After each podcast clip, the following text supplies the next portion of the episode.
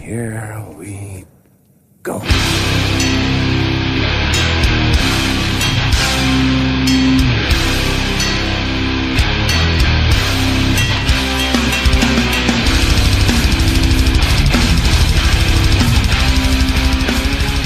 Då säger vi hjärtligt välkomna till Nere på Noll avsnitt nummer 61. Jag David och Daniel. Tja! Tyvärr ingen Robin, för han är sjuk. En sjuk jävel. Ja, han har ju varit borta med sitt jobb och kodat hela helgen, ska jag gissa på. Så han har dragit, dragit på sig något datavirus.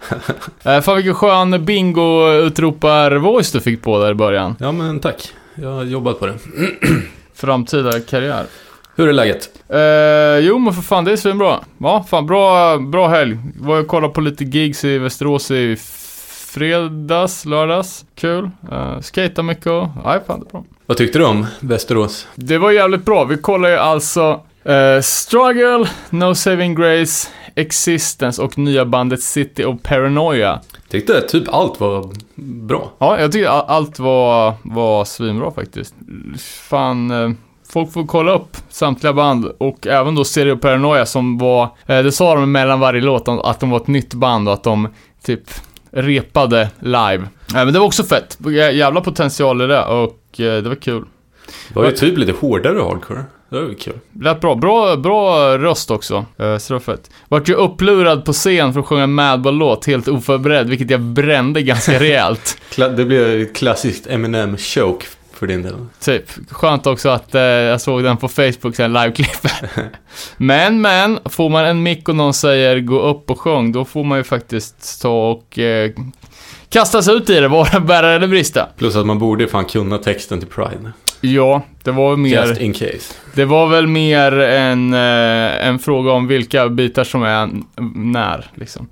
Shit samma. Eh, fan, bra, bra respons på förra veckan, för, för förra veckas Youth Crew-avsnitt i alla fall. Ja, så det är många kommentarer har vi nog aldrig fått. Eh, vilket är ju ganska tydligt bevis på att vi bör göra en Youth Crew special episod 2 eh, inom en snar framtid. Eh, vi, ja, vi satt ju i tre timmar med, tillsammans med Martin och vi märkte väl ganska, ganska tydligt att vi... Eh, vi Hade hade- kunnat sitta tre till. Ja, precis. Så det vart lite, lite spurt på slutet. Vi missade mycket, mycket viktiga band och vi hann ju heller inte göra någon inledning eh, till programmet. Eh, men eh, vad fan, resultatet tyckte jag blev, eh, tyckte jag blev riktigt bra i alla fall. Så vi siktar väl på att köra en Youth Crew 2 här, när det funkar. Haft en liten Youth Crew-pepp sen dess Jä- Visst. jävligt gött. Visst är det nice. Fan, och sen var det ju, ja, som sagt, vi gjorde ingen eh, Hänt i veckan-del från förra veckan, så det är ju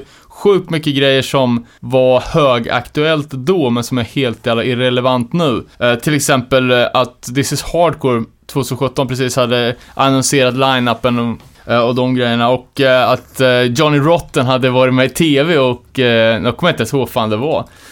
Han pro-Trump och Ja. pro-Brexit och grejer.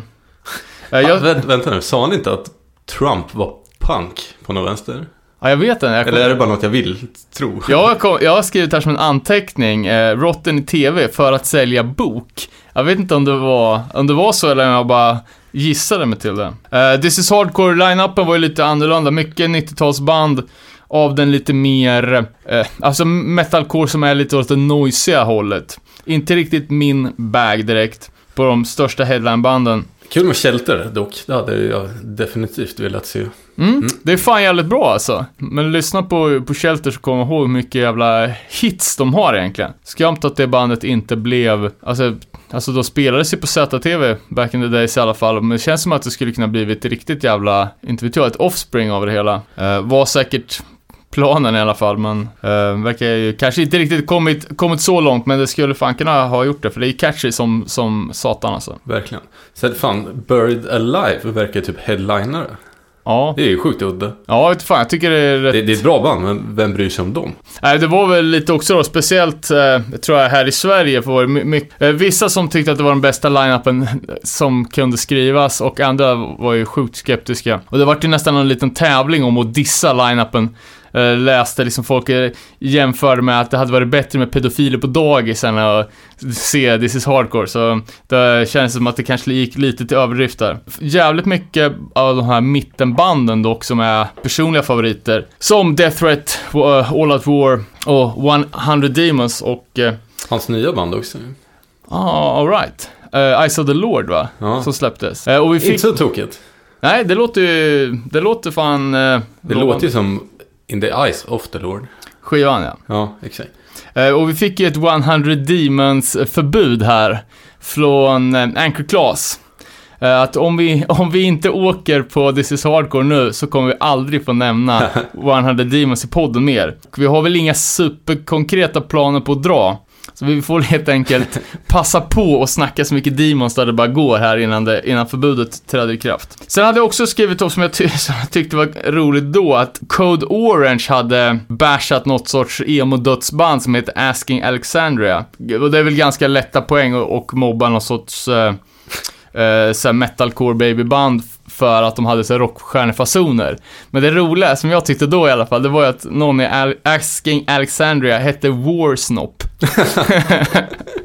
Sjukt bra namn. Ja, sen var det ju lite gigs annonserade. Eh, på den råare fronten så ju, ska ju Discharge lira med avskum med Asocial på truckstopp. Hade kunnat varit något. För fan. Eh, osäker på när det var, men alla som är intresserade vet ju det säkert redan om där. Eh, sen vart det ju tredje släppet på band till, eh, vad fan heter det? Sista kriget eh, del 2. Mm.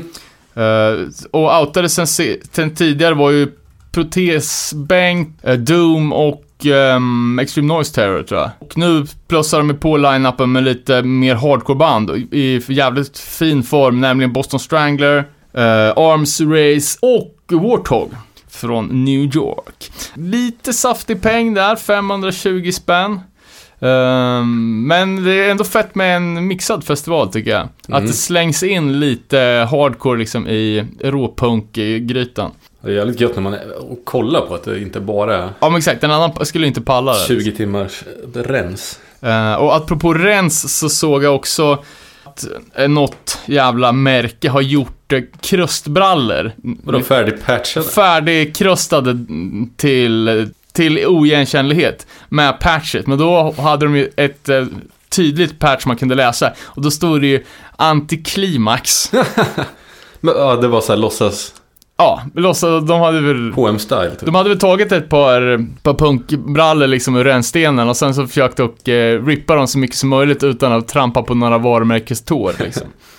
Såg ganska roligt ut. För då kommer det ju springa runt någon sorts liten modemänniska med så här, superhippa kläder och se ut som en kasse skit liksom. Är inte det redan en grej att kändisar har typ? Så krusttröjor. Typ. Jo, säkert. Jo, ja men exakt, det har vi ju sett exempel på med, med nitpajar och... Lever du efter devisen att om man har en bandtröja så måste man antingen äga en skiva med bandet eller ha sett dem live? Ja, det lär ju stämma. Uh, annars känns det väl, ja, det skulle om den var riktigt jävla snygg då, så att man köper den på nytt, en ny 12 alternativt fullängdare från Foreseen. Ja, just det. Ja. Släppt. Grave Danger. Uh, har inte hört den, men man, hört den ännu, men man fattar ju direkt hur det kommer låta. Eh, och att det kommer vara bra. Eh, sen hade ju Jacob Bannon från Converge Fame släppt en soloplatta. Är det något du har hört? Ehm, det här... Pysslar inte han med lite så här industri... Syntmusik och såna Ja. grejer? Det fattar man ju själv. Det var ju inte, inte hardcore utan någon sorts ambient, avskal, eh, må dåligt musik. Lät ganska nice dock. Vad fan hette hans... Hade inte han ett band också? Som spelade sån musik? Ja, för fel kille att fråga så ingen koll. Inte sen han sjöng på Ramallah, första rackaren. Ja. Eller fan, jag tänker på Integrity, skitsam. Uh, sen så har jag skrivit upp Bitter End? Frågetecken. Jag såg ny artwork för någonting. Okej. Som såg ut som en, eh, en skiva, men det kan ju ha varit någon sorts eh, merch eller någonting. Fan, det var länge sedan man hörde något från dem. alltså. Ja, tyvärr. Fett band. Eh, och sen är eh, Long Island-bandet Incendiary släppte Thousand Miles Stare, en platta. Eh, och New York poppunkarna Hazen Street. Fan inte lyssna på det, men det är en Madball H2O eh, connection där. Ska släppas på, på vinyl. Ja, den gamla skivan. Ja. Var den så jävla bra dock? Ja, inte jag. Jag, jag vet fan, det har bara försvunnit mig över huvudet. Jag såg även att eh, Seattles eh, 2000-tals flaggskepp, Trial, eller 90-tals, slutet 90-tals, ska släppa en Complete Discography-platta. Eh, och att Burn eh, kommer komma ut med en LP också. Ehm, Fan, ska man hinna lyssna på allting?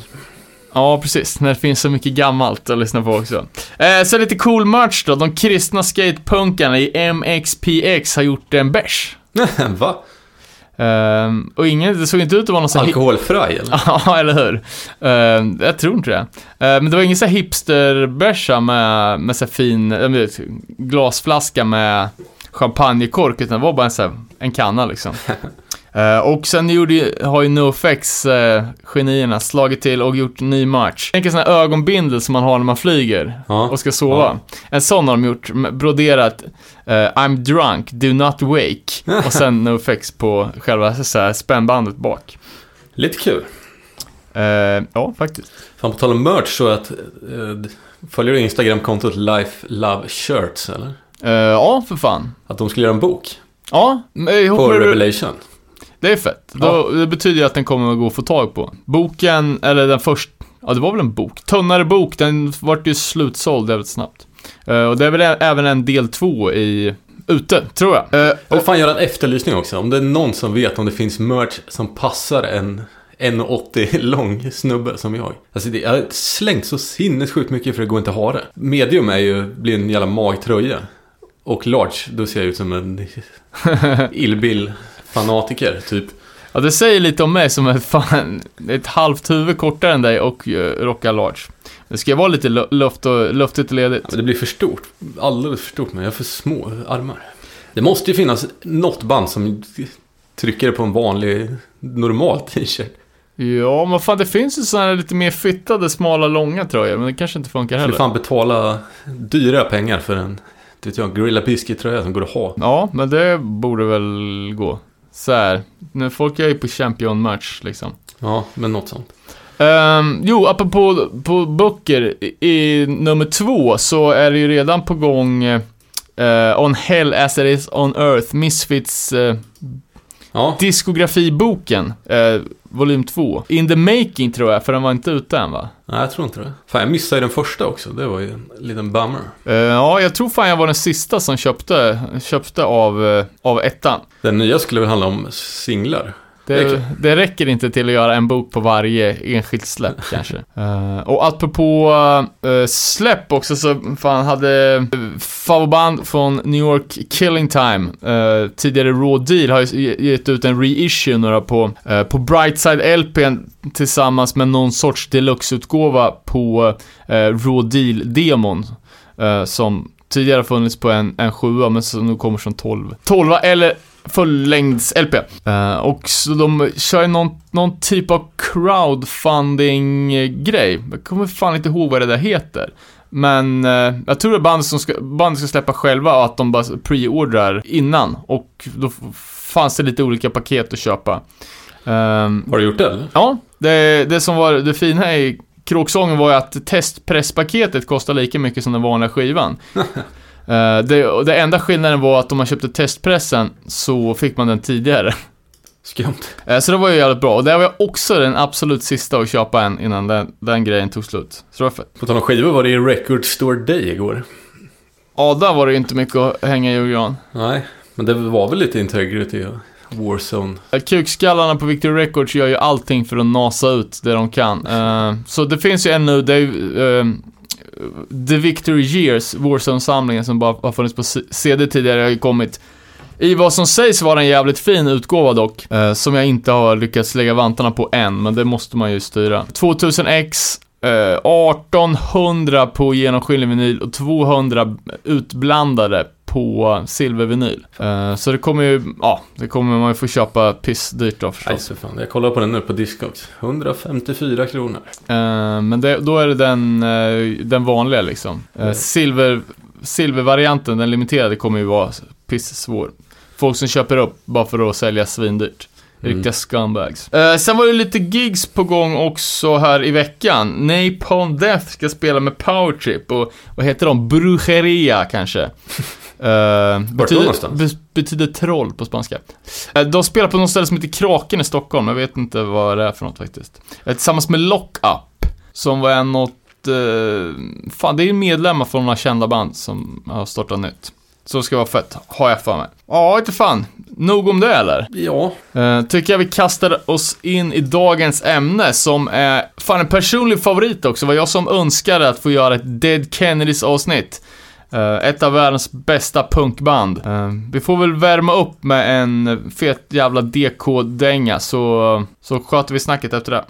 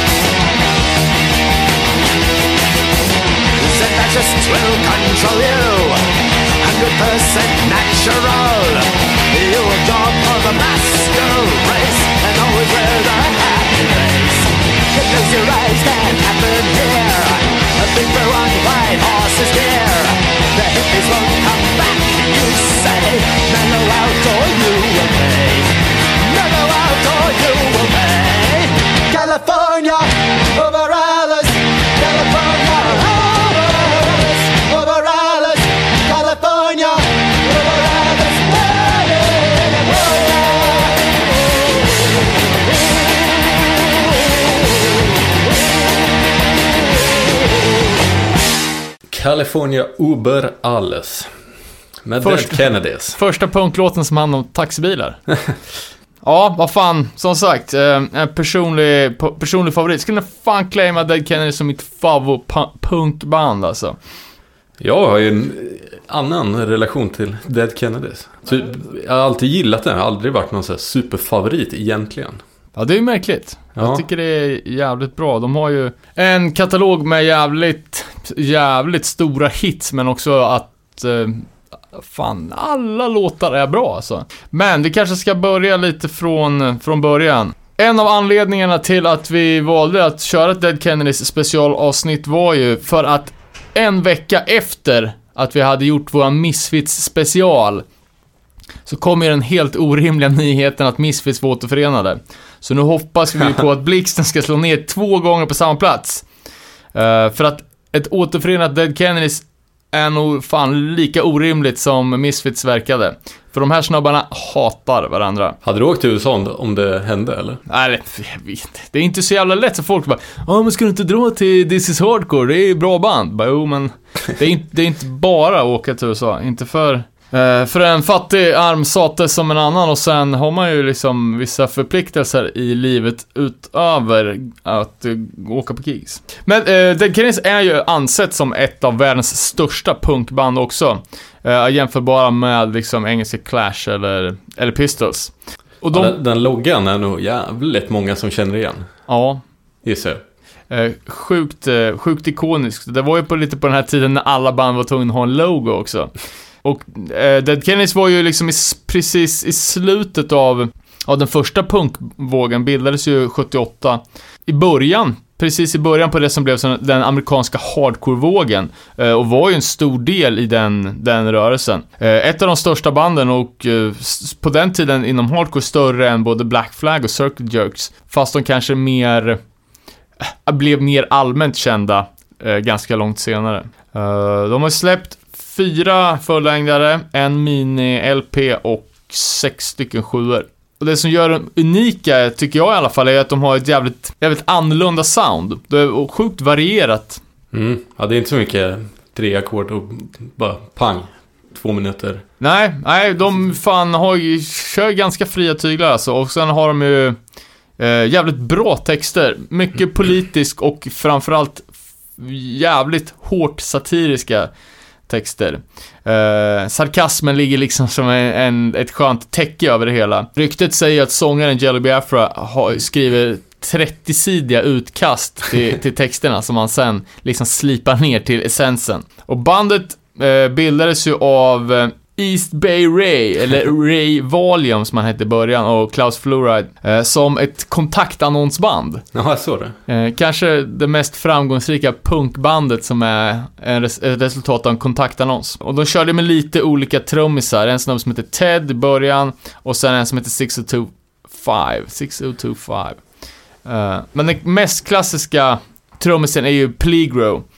Uh, DH Pligro som hakar på efter första plattan tror jag.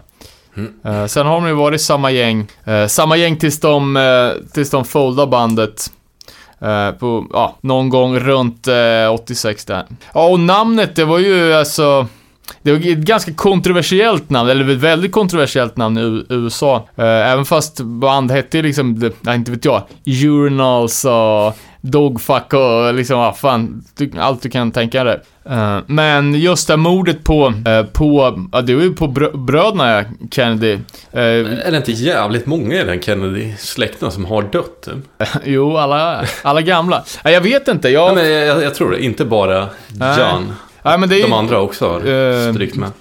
JFK och sen, det är väl hans brorsa, Robert Kennedy. Uh, som dog alltså jävligt kort på, inpå. Sen, sen är de ju, Kennedy-klanen är ju, de har ju någon förbannelse över sig liksom. Men jag vet inte vilka mer det är faktiskt. Uh, men... men... Men namnet var ju inte tänkt som en, vad säger man, att driva med en död president. Nähä? Tror jag inte. Jag läste att det var något typ så här.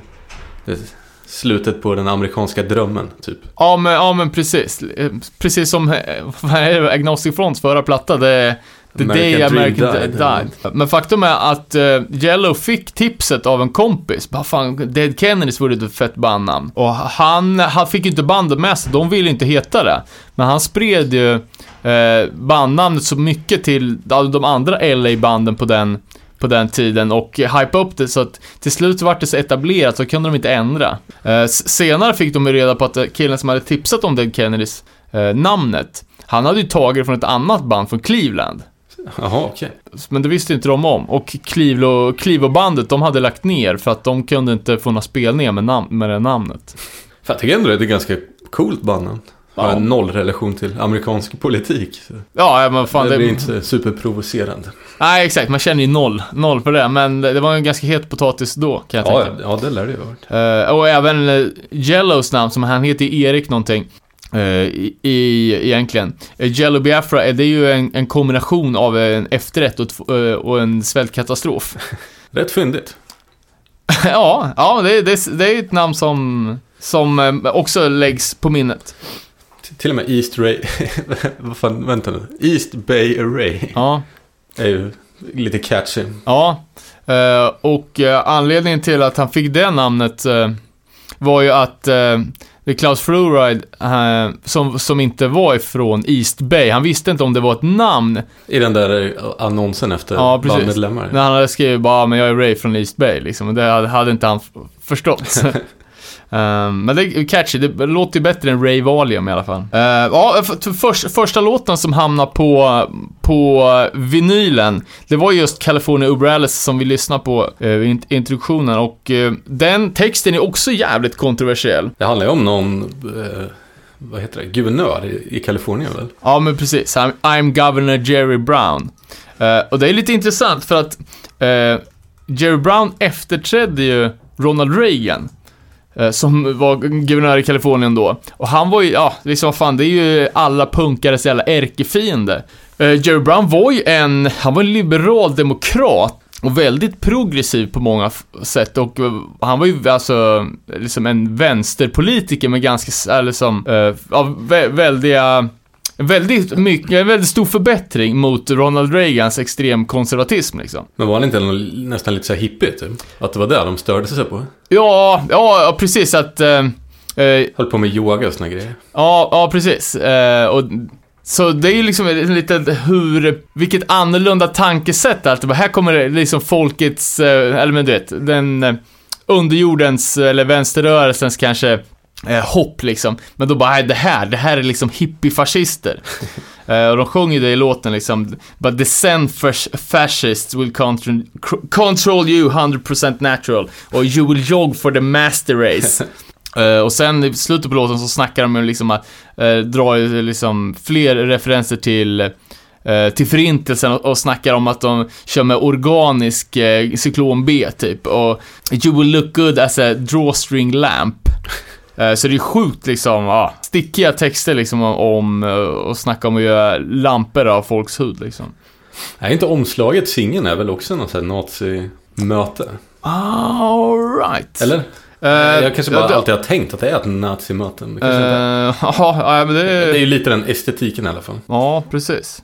Ja, det vet jag fan. Och, eh, apropå, apropå möten, en annan, en annan av de tidiga låtarna och eh, öppningsspåret på, på den första fullängden sen, uh, Fresh Fruits for Rotting Vegetables. De, uh, They Kill the Poor gjorde de en annonskampanj för genom att ta ett foto från det republikanska konventet och eh, klipp och klistra in en banderoll där det då stod “Kill the poor” istället. Eh, och det här, det här gjorde de som en annons eh, för sjuan och lämnade in den så, så nära in på deadline som möjligt så att det inte var, om, så det var omöjligt för de som skulle trycka tidningen att ändra sig. Och när eh, Det landar bra. det, det landade jävligt bra och eh, jag tror till och med det har varit något snack, snack, snack om stämning. Eh, men de klarade sig med, med att eh, de aldrig skulle använda den annonsen i, igen. Men då hade det gått så lång tid så att då var sjuan redan slutsåld så det var, var inget det var inget problem ändå. Fan, något som är genomgående är ju, det är ju sjukt snygga skivor tycker jag. Jag har fan inte riktigt tänkt på... på Det, det är ju rätt estetiskt tilltalande. ja, men det är inget här supergenomgående tema, men det är ju lite collage-vibbar. Ser punkigt ut i alla fall. Ja. Insertsen brukar och eh, booklets, som det också var på, på LP-skivorna, innehöll ju också jävligt ofta skitstora ja, tidningar i, i vissa fall. Eh, med, med Yellow Biafras eh, så collage, eh, satir typ. När Ja. han klipper in olika, olika grejer som blir någon sorts eh, punkens svar på Jan Stenmark. Typ. Visst var det på Fresh Fruit de också hade bandbilden på baksidan var först bara några random band de hade hittat. Ja, precis. Eh, och det vart ju, det vart ju trubbel eh, för, av någon jävla anledning så... Det, det är någon sån här jazzgrej väl? Eller typ. Ja, vad jag fattar, ja, nå- något halvobskyrt 60-talsband och de hade ju inte en aning om vilka det var. De bara tog en bandbild på några som såg lökiga ut och skrev sina egna namn under. Eh, men det slutade ju det slutade med, med en stämning och då fick de ju på alla, de fick köpa loss eh, rätten till, bild, till bilden för jag tror det var tre 3000 dollar, det var 300 dollar. Men först, ja. Och sen fick de lova att aldrig använda den, så då i fortsättningen så körde de ju med att de bara klippte bort facen. För, första fullängden då kom ju ut i USA nästan ett år efter att den hade kommit ut i England. Och när den väl kom ut eh, på, på den amerikanska mar- marknaden så, så var det fel färger på omslaget. Den, första, den amerikanska första pressen är ju orange och ser ut som skit. Ja, det, ja, det exakt. Men ser den verkligen ut som skit? Ah, ja, jag tycker alltså det, det var inte vad, vad, det, vad det de var ute efter i alla fall.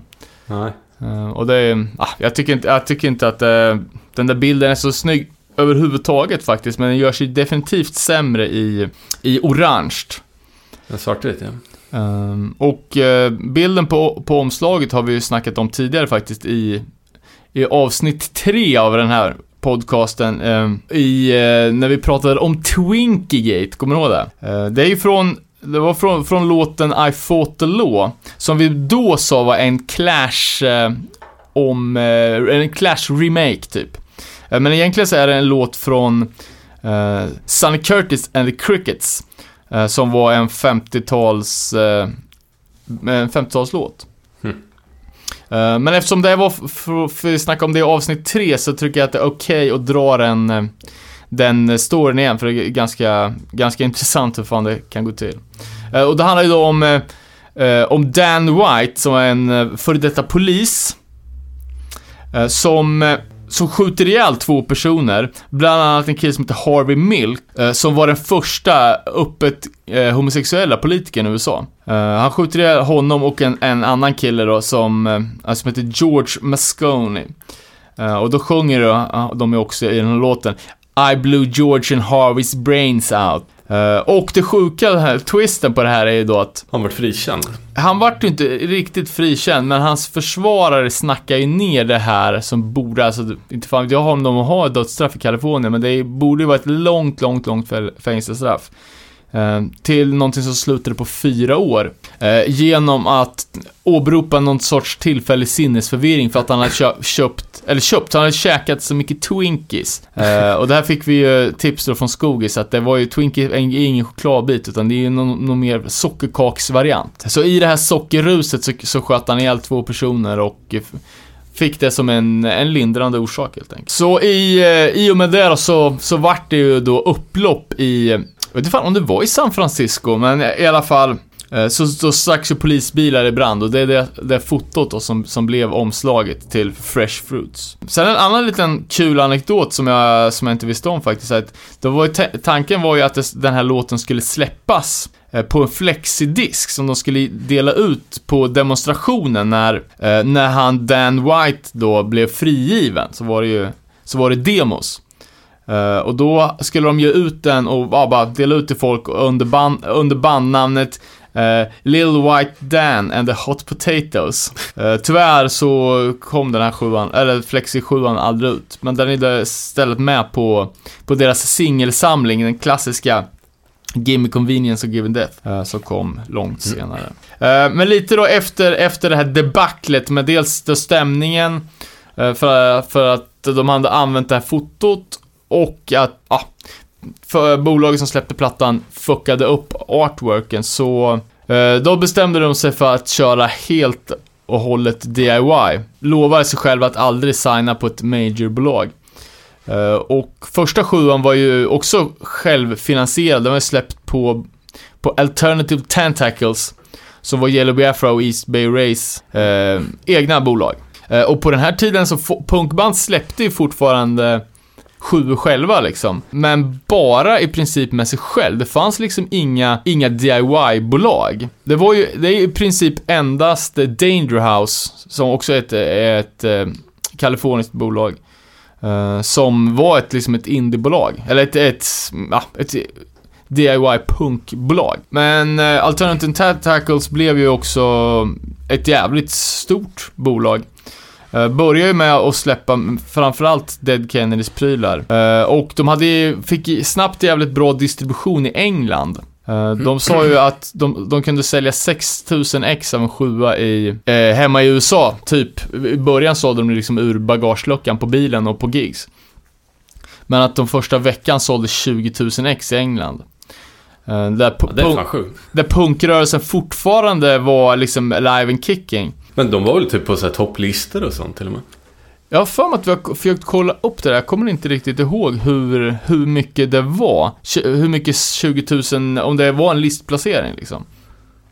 Eh, men eh, grejen var att det fanns inte så mycket alternativ för antingen var det att göra, göra, göra det själv eller försöka hamna på ett major label. Och, eh, tydligen så hade liksom storbolagen hade klassat punken som död redan tidigt 78. Och det finns inga punkplattor enligt vad jag har läst som är släppta på ett major label från Dickies-plattan som kom ut 1978 till uh, Husker Du som släpptes 85. Ehm, och det var ju liksom i den här ah, American Hardcore-perioden liksom. Mm. Men eh, i England gick det, gick det jävligt bra och eh, det första Alternative Tentacles släppte som inte var Dead Kennedys. Eh, undantaget för en East Bay Ray och Yellow Biafra sp- spin-off-grej som heter Witch Trials, som också släppte en sjua.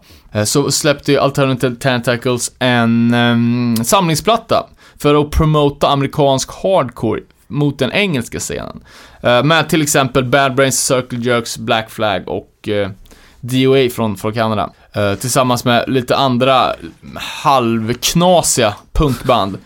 Eh, den goda Jello har, har ju ett, en... eh, han har, Är det den Jellybeans-skivan? Ja, precis. Let them eat jelly beans. Eh, han har ju en någon sorts uh, fabläs, får man väl säga, för eh, när punken inte riktigt låter som man förväntar sig. Och ja, det finns ju många låtar som handlar om liksom punkens eh, konformatism och likrikt. Uh, lite eh, intressant anekdot också an- eh, angående pressar så här på, på Eh, Fresh Fruit är ju att den släpptes, 1987 så släpptes den i Polen. Uh, Alternative Tentacles gjorde i amerikanska pressen, sen licensierade de ut det till, eh, ja, till olika bolag i, eh, ja framförallt i Europa då liksom. Som, eh, som eh, jobbar på sin marknad liksom. Men i Polen då så släpptes det på Polton, som var det kommunistiska partiets statligt ägda skivbolag. eh, så det är ganska intressant. Det är vad jag kunde läsa mig till var det enda amerikanska eh, definitivt amerikanska punkbandet som, som släpptes på kommunistpartiets egna skivbolag.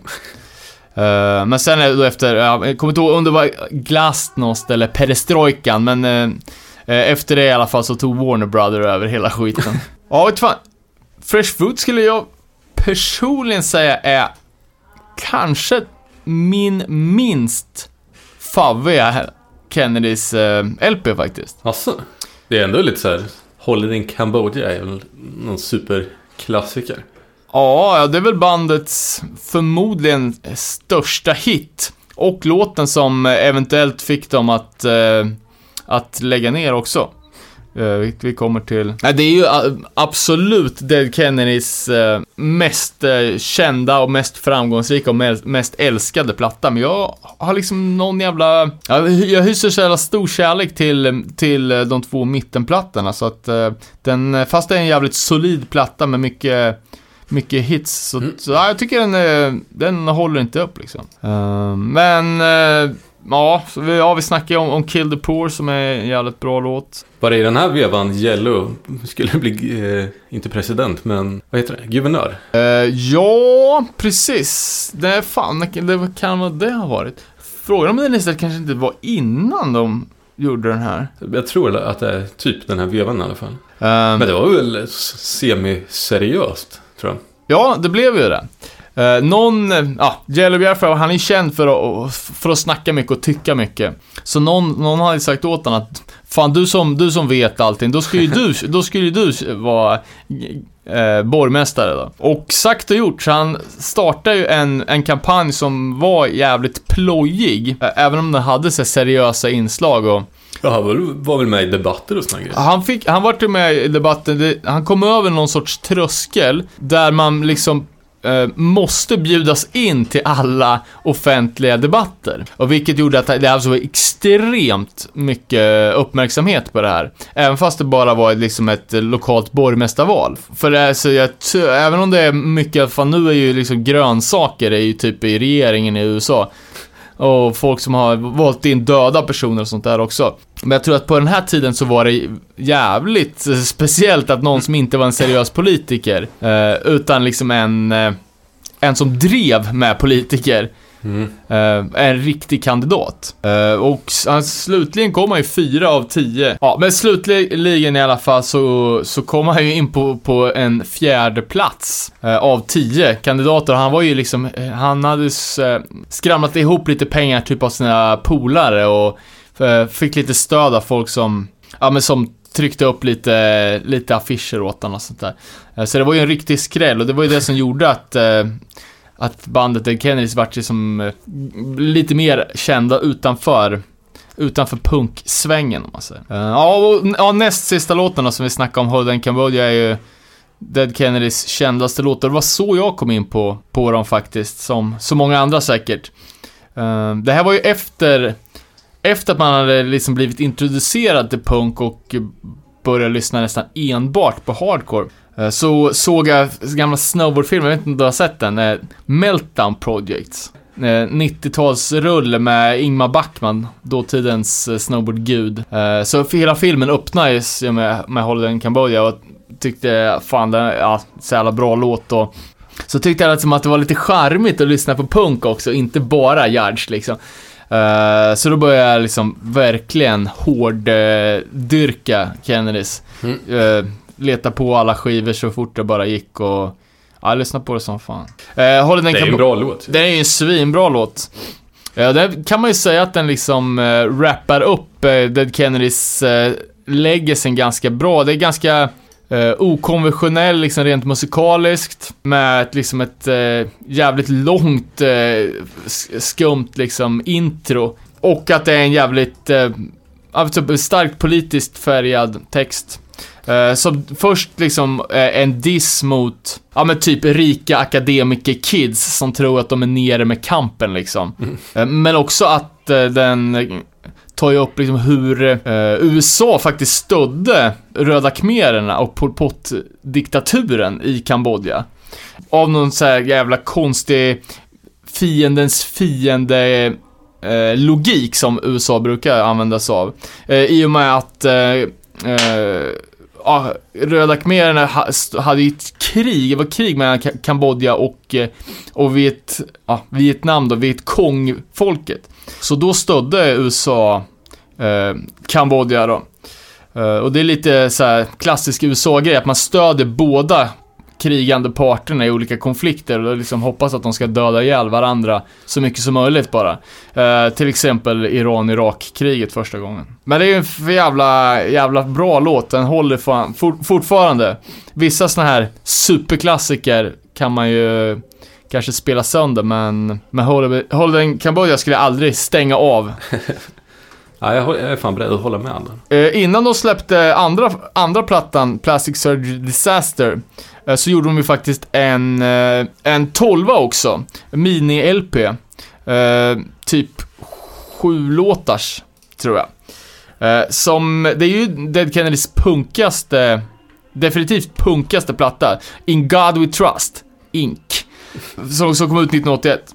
Året efter eh, debut-LPn. Och jag vet inte om, eh, om framgångarna i England hade gett dem lite liksom pepp på det UK81-soundet. Eh, För det här är ju liksom, det är ju mer eh, hård punk. Eh, nästan alla Dead Kennedys snabbaste låtar är med på den här. Låten Moral Majority till exempel, som, som är jävligt bra, är ju rätt så jävla klapp-klapp och eh, liksom eh, Nazi Punks Fuck Off som också kom som, som sjua, eh, är därifrån och det är också en riktigt snabb låt. Eh, och Nazi Punks är ju, det måste ju vara liksom anti-white power-rörelsens eh, typ eh, största hit. Så att det handlar lika mycket om...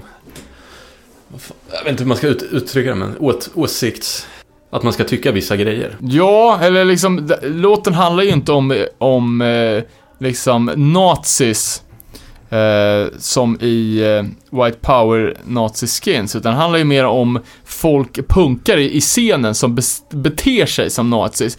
Och den här tävlan, tävlan är att alltid överpunka varandra och snacka skit om den som inte är tillräckligt äkta liksom. Ja, ja exakt. Vad mest punk. Eh, och att det liksom spelar ju då fienderna i händerna liksom när, när, när scenen är för upptagen i internt tjabbel så, så får ju liksom, ja, the real nazis. eh, som de säger i, i texten, the real nazis run your schools, their coaches, bus- businessmen and cops. och sen, eh, i det riktiga fjärde riket så är det ju du som åker först liksom. Ehm, så den Moral Majority-sången också. eh, som handlar, det handlar ju om, om liksom det moralkonservativa USA som, som kommer sätta Dead Kennedys i eh, riktiga problem senare. Eh, den låten hade jag som, eh, ett, man hade muntlig framställan i svenskan på gymnasiet. Eh, så hade vi gjort någon liten eh, jävla tonårsanalys av den där låten. Och sen när jag skulle spela upp den så hade jag råkat banda in fel låt, så att det istället var första låten, Religious Vomit, som spelas upp.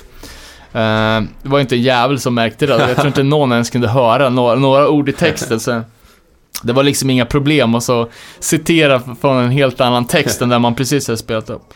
Eh, och och eh, den Moral Majority öppnar ju också med med, med raden eh, You call yourself more majority och sen We call ourselves people in the real world. Och det är ju faktiskt också namnet på på de, eh, vad heter svenska bandet Get Up and Goers hade ju en platta som hette deras andra CD som, eh, som garanterat är nickat därifrån. Jag tycker fan omslaget på den är snyggt också. Eh, ja, Med den Jesus som hänger på en dollar, ja precis. dollarkors. Eh, ja, den är jävligt le- legit, men den är ju... Den är, låter ju ganska, ganska skilt ifrån övriga Dead Kennedys släpp, måste man säga. Ja, året efter kommer Plastic Surgery Disaster som är en jävla kanonplatta. Eh, här har de ju gett sig själva lite mer fria tyglar, skulle man väl kunna säga. Eh, rent låtmässigt. Eh, ganska mycket mid-tempo-låtar, vilket jag, jag gillar. Och textmässigt så... så själva huvudtemat skulle jag säga är ju liksom ett anti... Alltså motsvarigheten till Svennebanan-samhället liksom. Det, ja, det, man skulle, det är som de kallar för the American dream liksom. College-karriär och sen flytta ut till suburbia och tävla med grannen om vem som har den bäst Bäst klippta mattan. Exakt. Men också lite l- låtar som, eh, som eh, pikar punkscenen också, till exempel låten Riot som handlar om liksom, vad- fan vad gött det är men när det blir lite knorr liksom och få ut och härja och man kan slå sönder saker men vad, vad, vad, ska, du, vad, ska, du göra, vad ska du göra sen då liksom? Det enda, det enda du åstadkommer med att vara- ute och trasha det är att det, att det blir sämre det blir sämre för dig själv i slutändan typ. Och att de eh, om du vill åstadkomma någonting, då ska du ge det på en bank och inte bara panga, panga en ruta liksom. Kanske den skivan jag lyssnar minst på. För den är fan eh, jävligt bra alltså. Eh, Och nu hade, och har de ju eh, rekryterat Peligro på, på, trummis, på, på, på trummorna, så nu är ju sättningen komplett. En annan låt som, som sticker ut lite här är näst sista låten Dead End, som, som textmässigt är jävligt, den är sjukt simpel. Eh, den, den låter såhär, Once I had a close friend, I know him for quite a while. Liksom, eh, många som, som har sagt att det där är inte Jello Biafras text. Eh, det har ju diskuterats jävligt mycket fram och tillbaka vem som faktiskt gjorde vad i det här bandet, speciellt när när de senare började stämma varandra fram och tillbaka om rättigheter. Men då så många som tydde att det här väldigt, liksom, endimensionära texten inte var skriven av, av Biafra. Men det visade sig vara en ganska intressant story bakom det hela. Eh, En, en snubbe där som inte, hans punknamn var i alla fall Frank Discussion, så han eh, spelade ett band som heter Feeders. eh, Som också släppte på Alternative Tentacles. eh, Som hade bott hemma hos Jelly Biafra i, i ett år. Eh, Och Biafra var det här, vid, vid det här laget eh, eh, gift med en tjej som kom från, från pengar. Eh, och det här har jag aldrig hört någonting om. Jag visste inte ens att han hade varit gift. Så det känns som att han mörkar lite det här giftermålet. Eh, För tydligen så hade de fått en splitterny BMW som bröllopsgåva av hennes föräldrar. Som enligt eh, hörsägen då ska, som han eh, typ vägrar att köra, som, som stod inlåst typ i något garage för att han inte kunde, kunde anv- ja, liksom använda det. Blir sedd i den. Eh, men eh, den här Frank då drog med, eh, med, med Yellows fru. Och Eh, BMWn. och eh, massa pengar tydligen. Eh, Så det, det handlar, handlar om det. Och sen eh, sista låten på plattan är Moon Over Marine som är en av mina favorit Dead Kennedys låtar. Jävligt, eh, jävligt skön eh, gitarrslänga och eh, fan bra, eh, bra på alla sätt och vis. Jag tänkte vi kunde klippa upp den, eller klippa in den här så får vi digga lite.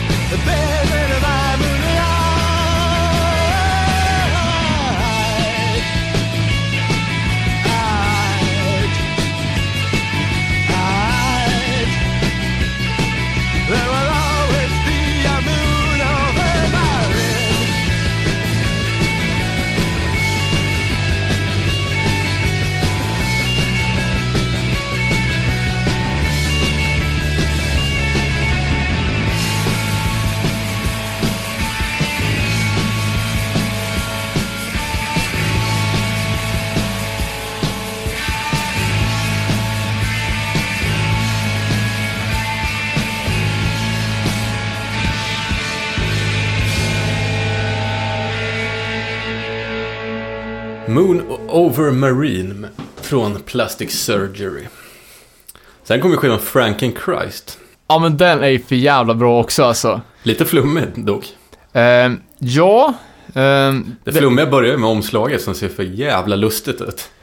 Ja, och det, alltså, det är ett roligt omslag och det är ju mycket, alltså Dead Kennedys jobbar ju mycket med humor liksom, men det är ju, tycker inte det är sådär bildskönt direkt. Nej det, nej, nej, det är det inte. Det ser bara lustigt För de som eventuellt inte har sett skivan så är det ju tre äldre herrar som sitter i små typ trampbilar med fesar på huvudet. Men det är ju inga så här låtsastrampbilar, det är ju seriösa minibilar på något vänster. Alright, kanske. Ja, jag, jag har inte bilden framför mig så jag vet inte. Eh, men det här är ju någon, någon typ av ordenssällskap. eh, som, ja, jag vet inte fan vad, vad de exakt håller på med, om det är någon, uh, något jippo eller om de bara håller på och sjukar sig som vanligt. Eh, men jag har hört att det var, att den här herrklubben typ uh, fick se den här bilden. Och eh, hörde av sig och ja, ville skapa någon typ av bråk om det hela. Jag tror, jag tror till och med att de varit stämda. All right. Eh, ja, då kan man fråga sig liksom bara, ja, om du ser löjlig ut och jag tar en bild, är, är det ett brott då? Uh, ja, men fan, det är ju sjukt varie, sjuk variation på låtarna här nu. Eh, från, alltså, ja, till exempel näst sista låten, eh, At My Job, är ju en ren industrilåt. Mm. Uh, mässande, liksom långsam, eh, med, jag tror det är någon sån här synt, uh, trummor och grejer liksom. Skitbra låt för övrigt. Men all, alla låtar är ju rätt långsamma nu. Ja, precis. Den är, ja, det är riktigt mid-tempo. Och någonting som är ganska karaktäriserande för Dead Kennedys eh, och Yellow Biafras övriga katalog, det är ju att de gör parodi av saker genom att göra likadant. Till exempel låten 'Jockorama' eh, är ju en, alltså, en sågning av jockkulturen, liksom sportfånarna och den är gjord som en hejaramsa. Eh, och MTV Get Off The Air, en annan jävla fenomenal låt. Eh, då imiterar ju Yellow en, ja men en sån här VJ liksom. Och eh, har ju, gör, ju senare till exempel en, en låt med, med, med bandet Lard. eh, som heter S- 70s Rock Must Die. Och då är den låten såklart eh, liksom en karbonkopia på en 70-tals cockrock-låt. Liksom. Eh, ja, men jä, jävligt bra, bra platta och min, eh, också en av mina favoritlåtar som också är sist på den här plattan. Eh, precis som favoritlåten var sist på förra plattan också, är, men Stars and Stripes of Corruption. Som jag tycker är helt jävla magisk. Mm. Inleds ju med någon jävla konstig basrytm alltså.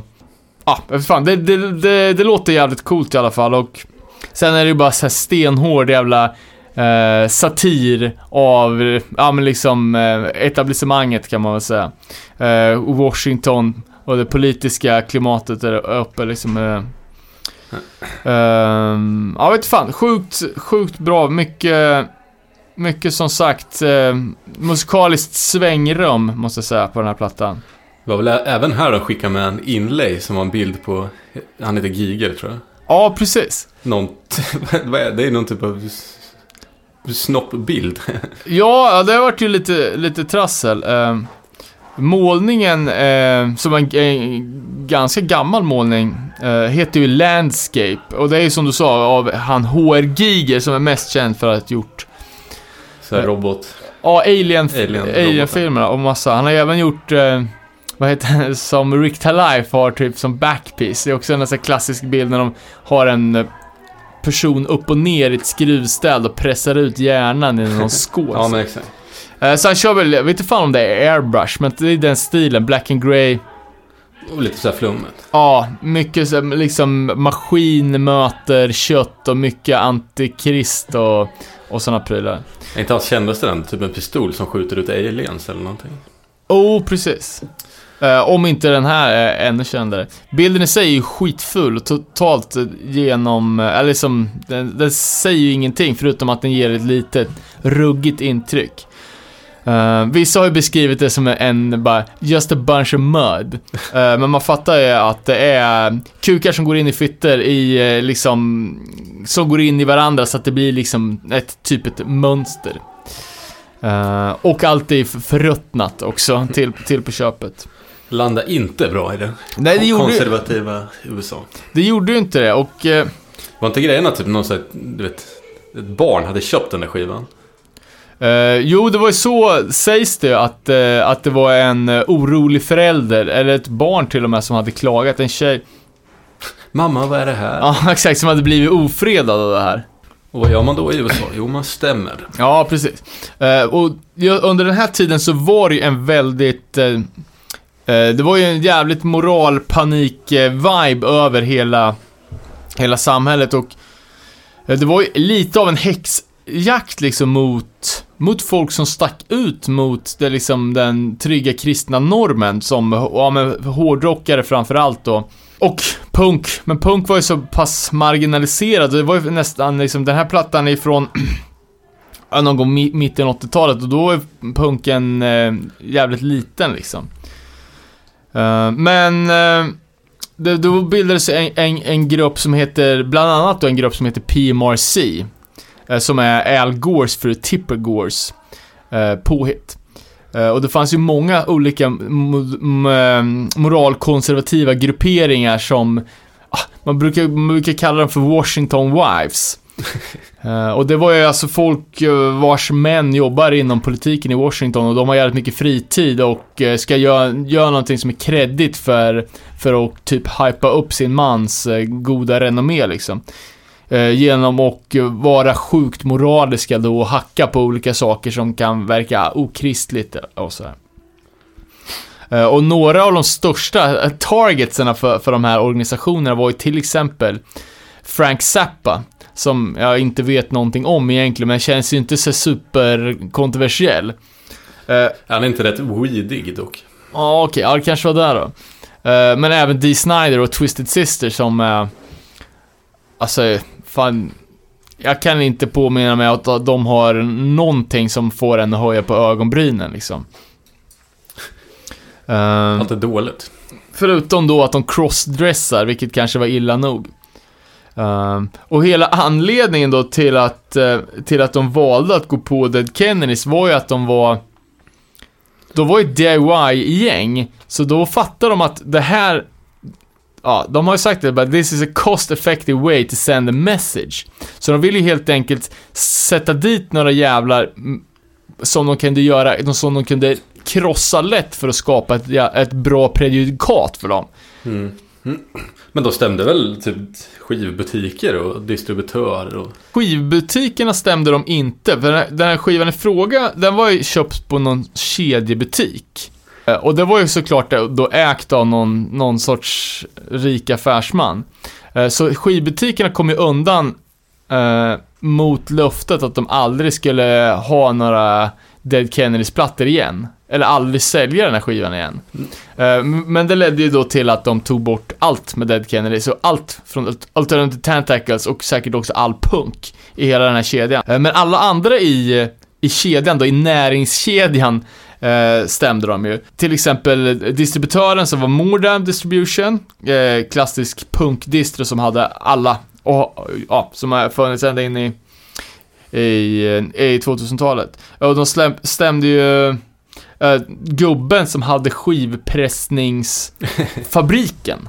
Honom, var, han var också åtalad och åtal, åtalspunkten var ju då eh, Distribution of harmful matters to minors, typ. Det är Eh, knappast han som har lagt in en inlägg. Nej, men han är väl då någon sorts eh, ansvarig utgivare, typ att han borde ha koll på vad som, vad hans för, fabrik liksom pressar upp för. Mm. Eh, och jag vet inte ens om de, gjorde de ens eh, trycksakerna på samma ställe som de gjorde vaxet? Det vet man inte heller. Nej, nej exakt. Uh, vet du, har, har du hört någonting om hur själva gripandet och det här gick till? Nej. För det finns en jävligt bra... Uh, uh, Yellow Biafra gick, uh, var ju, började med spoken word jävligt tidigt och har ju ju- gjort en massa spoken word-plattor. Eh, som jag har lyssnat väldigt flitigt på. Eh, och i en av de första som, som kom ut någon gång där så beskriver han ju hela den processen. Heter den inte The Trial eller något sånt där? Jo, jag tror att det, den, den, eh, det segmentet heter Tales from the Trial. Just det. Ehm, och det handlar ju uh, lite in- intressant bara så att jag jag var hemma och höll på att mixa Neurosis LPn. Uh, eh, så hörde han typ knacka på fönstret och sen på dörren. Uh, och när han var på väg ner för trappan så, så bara poff, slog in fönsterrutan vid dörren, tog sig in i lägenheten. Nio snutar, uh, varav de flesta från Los Angeles. Uh, och det här är vår, aha, Yellow bodde ju i San Francisco, som hade verkligen tagit dit någon slags squat-team liksom. Bara rev ner hela placet och eh, ja, men började förhöra honom som om han var ja, men Al Capone liksom. Ja men typ. Och, eh, rolig, rolig grej då för ja, Yellow är ju sjukt eh, inne på sina collage. Han sparar mycket lustiga bilder som, som man kan ha liksom i framtiden. Och då hade han haft massa utklipp från så här, eh, vet när unga försvinner i USA så hamnar deras baks, eh, face på baksidan på mjölkpaketen. Ja, Då hade han haft några sådana eh, le- legande någonstans. då. Och då hade det kommit en snut som såg helt skärrad ut bara. Vad gör alla de här bilderna på barn i ditt hem? Vet du vart de är? ja, men eh, inte långt senare då så blev det en, eh, en rättegång som tog ganska, ganska lång tid. Eh, där de slutligen lyckades vinna i alla fall och eh, eh, Jello är ju en smart jävel, påläst och väldigt vältalig så han lyckades väl ändå den här promenadsegen som åklagarna hade räknat med infann sig inte riktigt. Men de vann på något sätt väl? Ja, de börjar ju med att utnyttja eller de, de skapade en eh, No More Censorship Defense Fund där de skramlade in lite pengar för de hade ju liksom inget cash att försvara sig med. Och de fick tag på en bra advokat som, som gjorde det här fallet gratis för att eh, Ja, eh, han var ju trött på att folk höll på att talla på grundlagarna liksom. Det är ju jävligt heligt för, för många jänkare. Eh, Så de lyckades de i alla fall få en så här, vad kallar de det för, hung jury tror jag, när det inte ja, är inte enigt. riktigt fattat. Ja, är det där det? Eh, och uh, åklagarna valde ju att överklaga direkt. Men då hade domaren sagt att bara, nej, nu ska vi inte ha något mer liksom så här experimentverkstad i, i, i rättssalen. För att man fattar ju liksom att de sket, de skiter fullständigt i den här bilden liksom. Och Jo, exakt. de vill ju bara fixa, de vill ju bara ändra lagstiftningen liksom. För att kunna attackera vad, ja, vad som helst sen. Men det höll väl också typ Alternativet Tentacles höll väl på att gå åt helvete här också? Ja, jag vet inte riktigt. Jag vet att det tog, jag kommer inte ihåg hur lång tid det tog, men det var ju alltså, snacka om uh, sitta liksom, han var ju åtalad och uh, riskerar ju ett fängelse, fängelsestraff. Plus då böter.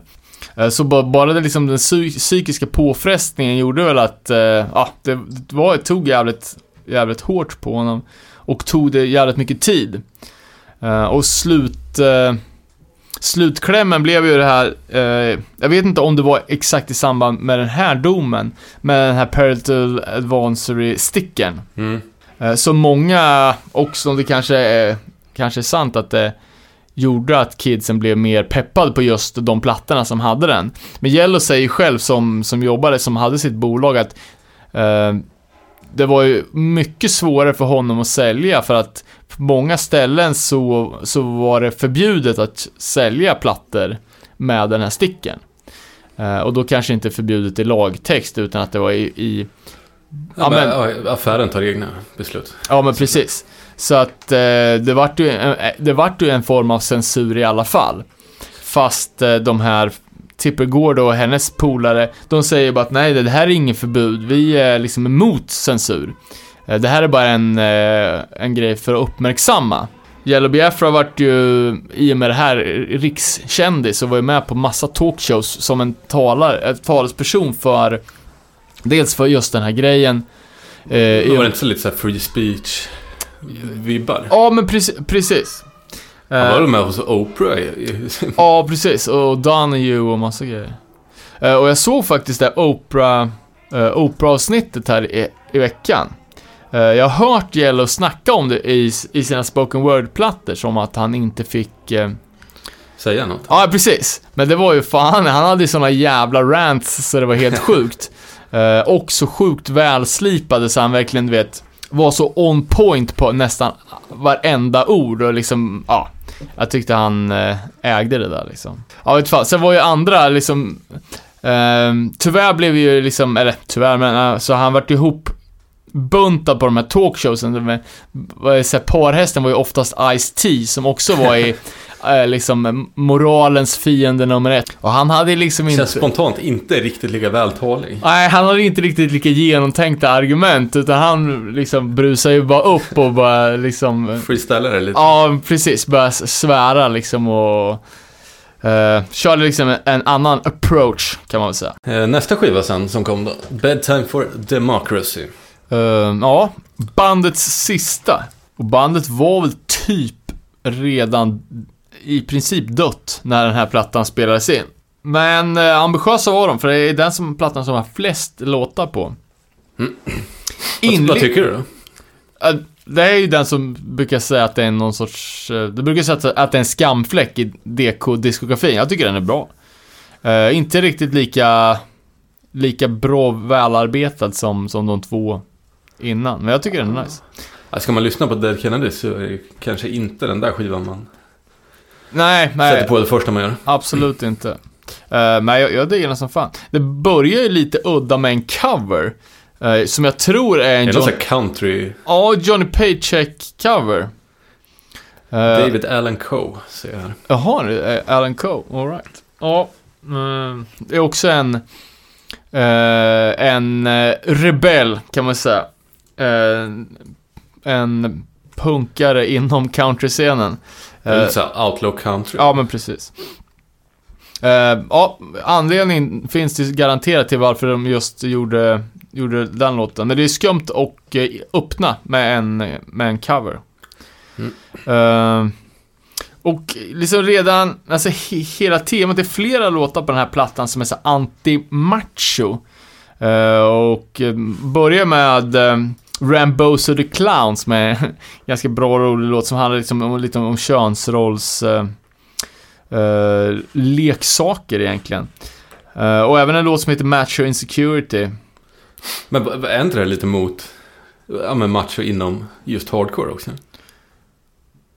Jag vet inte. Jag kan inte på rak arm komma på att... Men det är väl det generellt. Men jag tror att de här...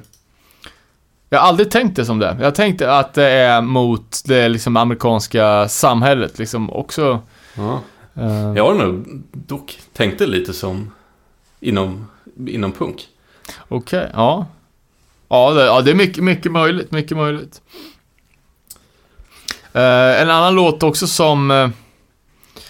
Uh, som också nämner det här uh, Macho Game, dock bara i en, en bisats, är ju Triumph of the Swill.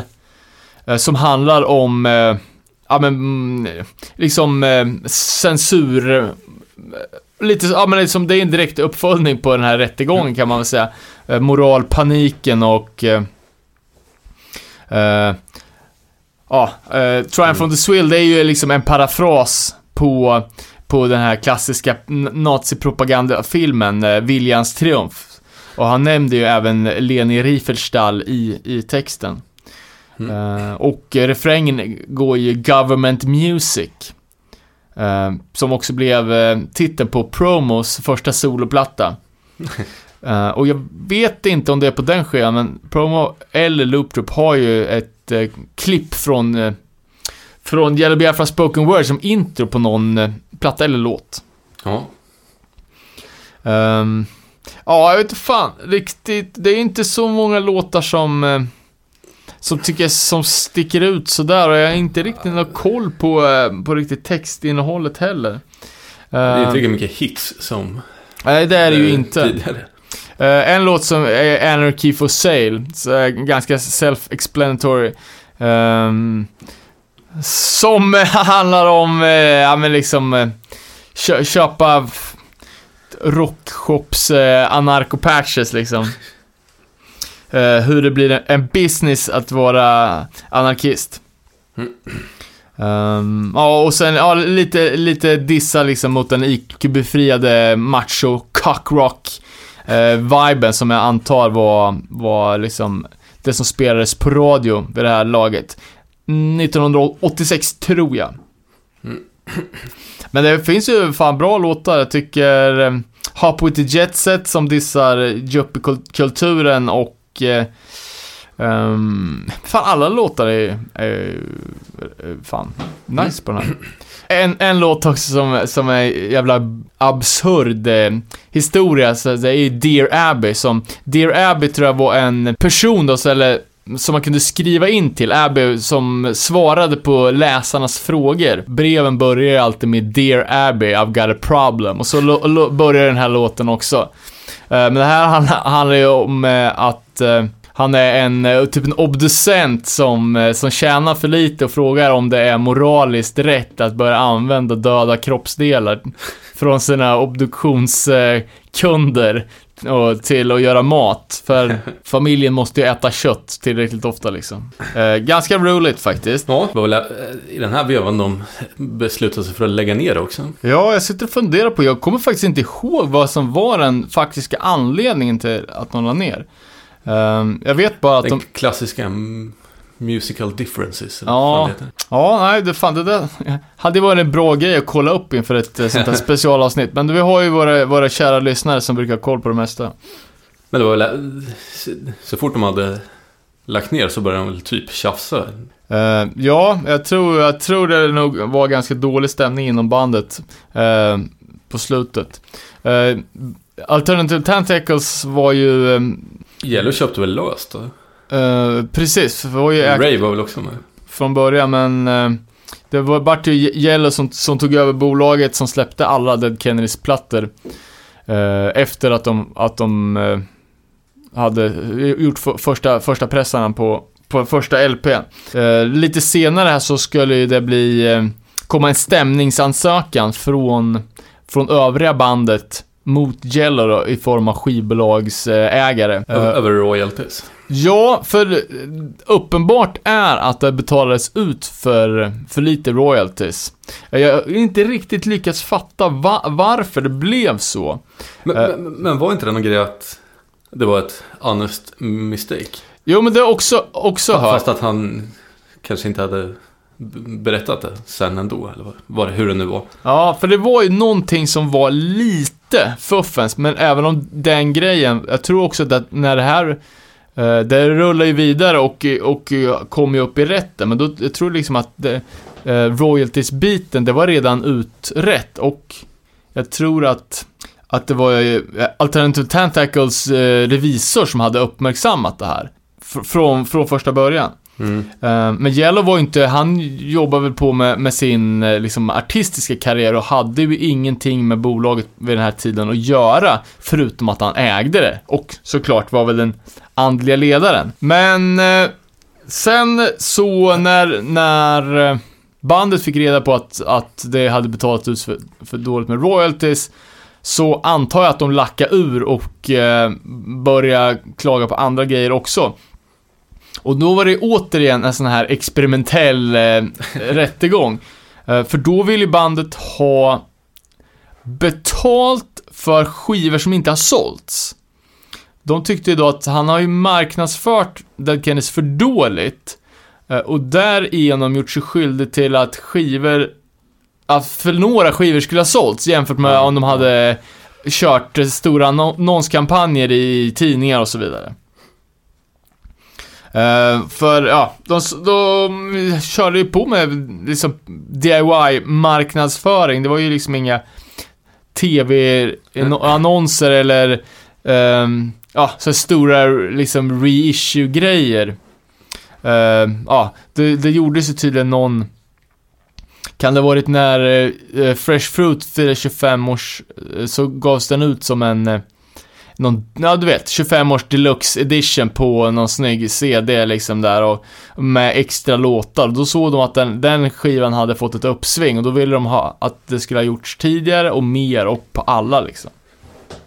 Och de fick väl rätt i domstolen också? Uh, ja. Uh, Eller han blev ju dömd för någonting. Ja, uh, precis. och Dead Kennedys sålde ju tydligen alltså fortfarande, det här var ju på sent 90-tal, 100 000 ex per år.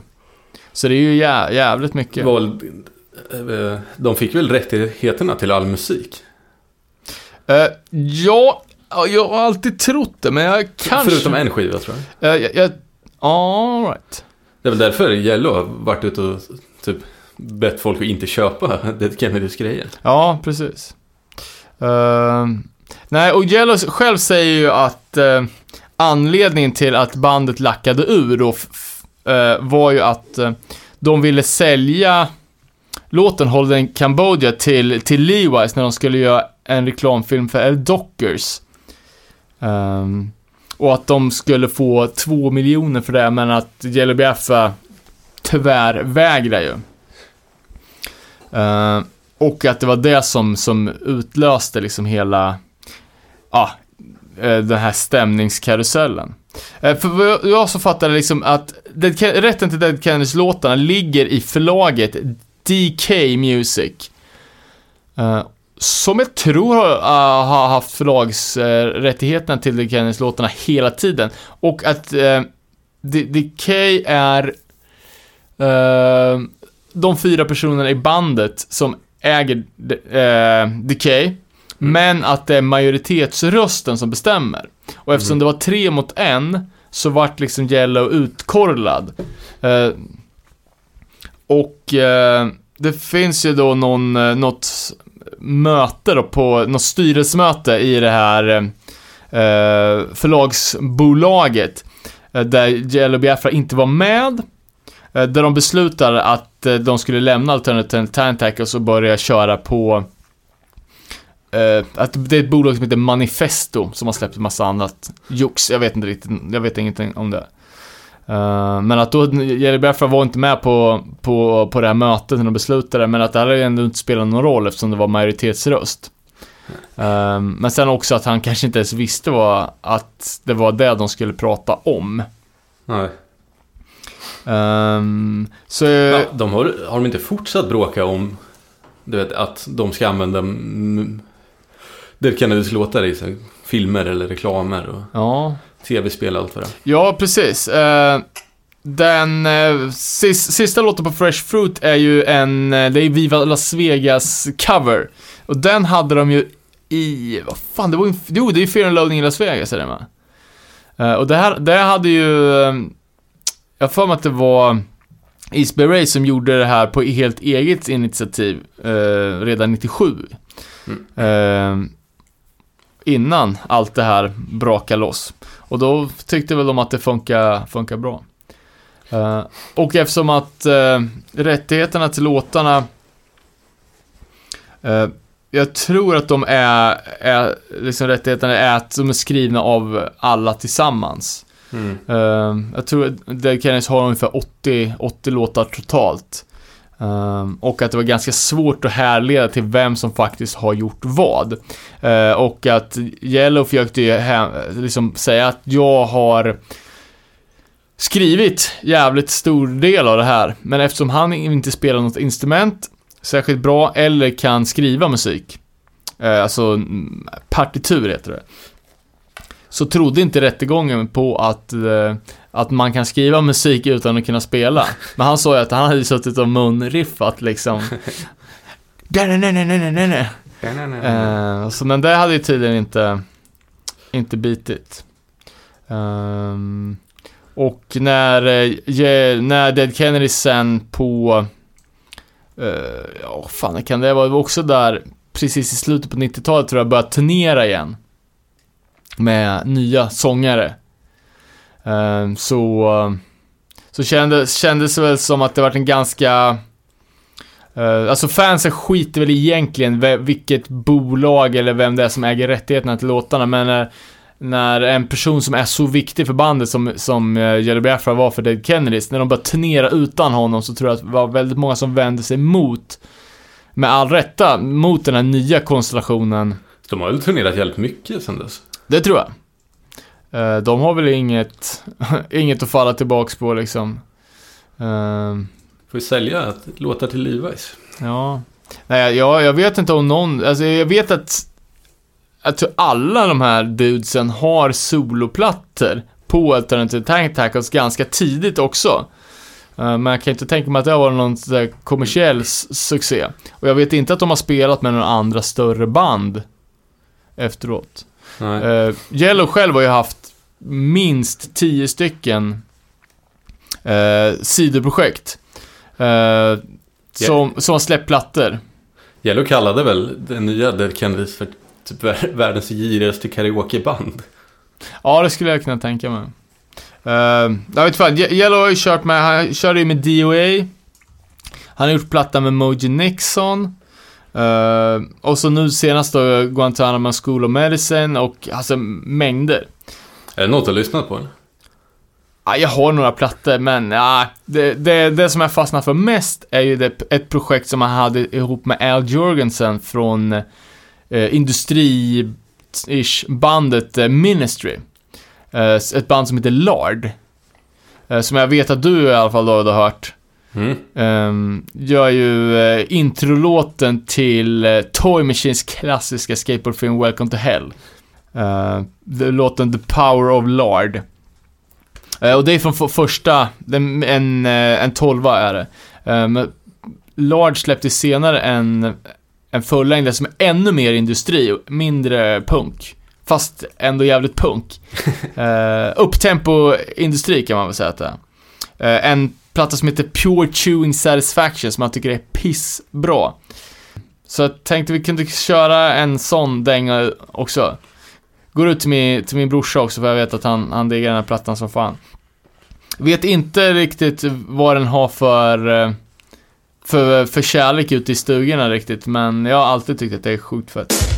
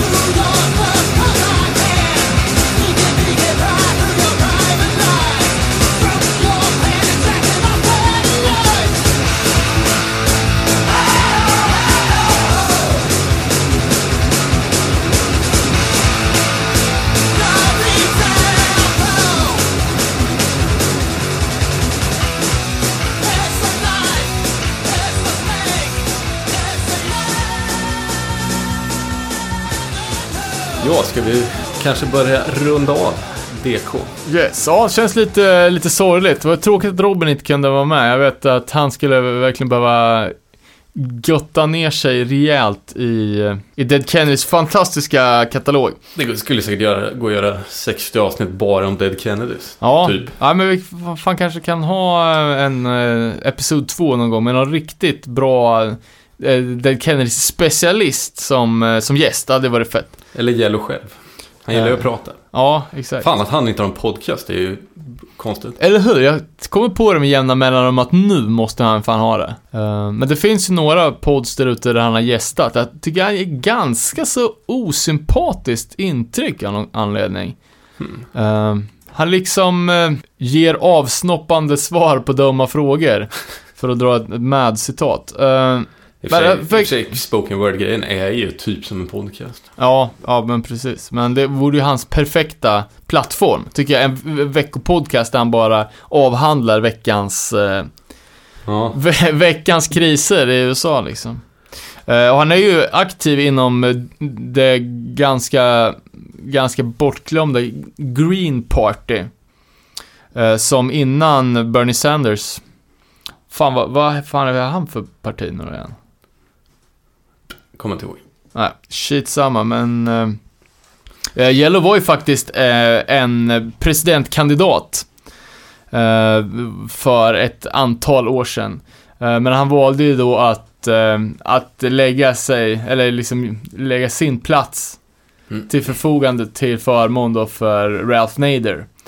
Eh, som var, som blev då det gröna partiets eh, officiella pre- presidentkandidat. Eh, och Jello sa ju att han hade liksom aldrig någon eh, seriös eh, tanke på att bli eh, ja, att presidentkampanja för riktigt. Han ville ju bara använda si, sitt, eh, sin fanbase och sina kontakter till att hypa eh, Ralph Nader. Uh, yes, och uh, tänkte vi skulle gå ut på en uh, Last to Remain-låt. Uh, ännu en Beatdown Warrior har ju gått bort. Uh, nu i helgen faktiskt. Eh, Martin från, från bland annat Last to Remain och även uh, tidigare bandet Enforcer, som ett jävligt bra norskt old school band som folk borde kolla upp. Uh, och som även spelar i massa brutala slamband som jag inte har någon riktig koll på. Men bland annat Kranium som är i genren eh, ansedda som ett av de eh, största banden. Jävligt tragiskt, tråkigt. Folk man träffar på spelningar under många år har hängt och gått på gigs ihop med inte finns.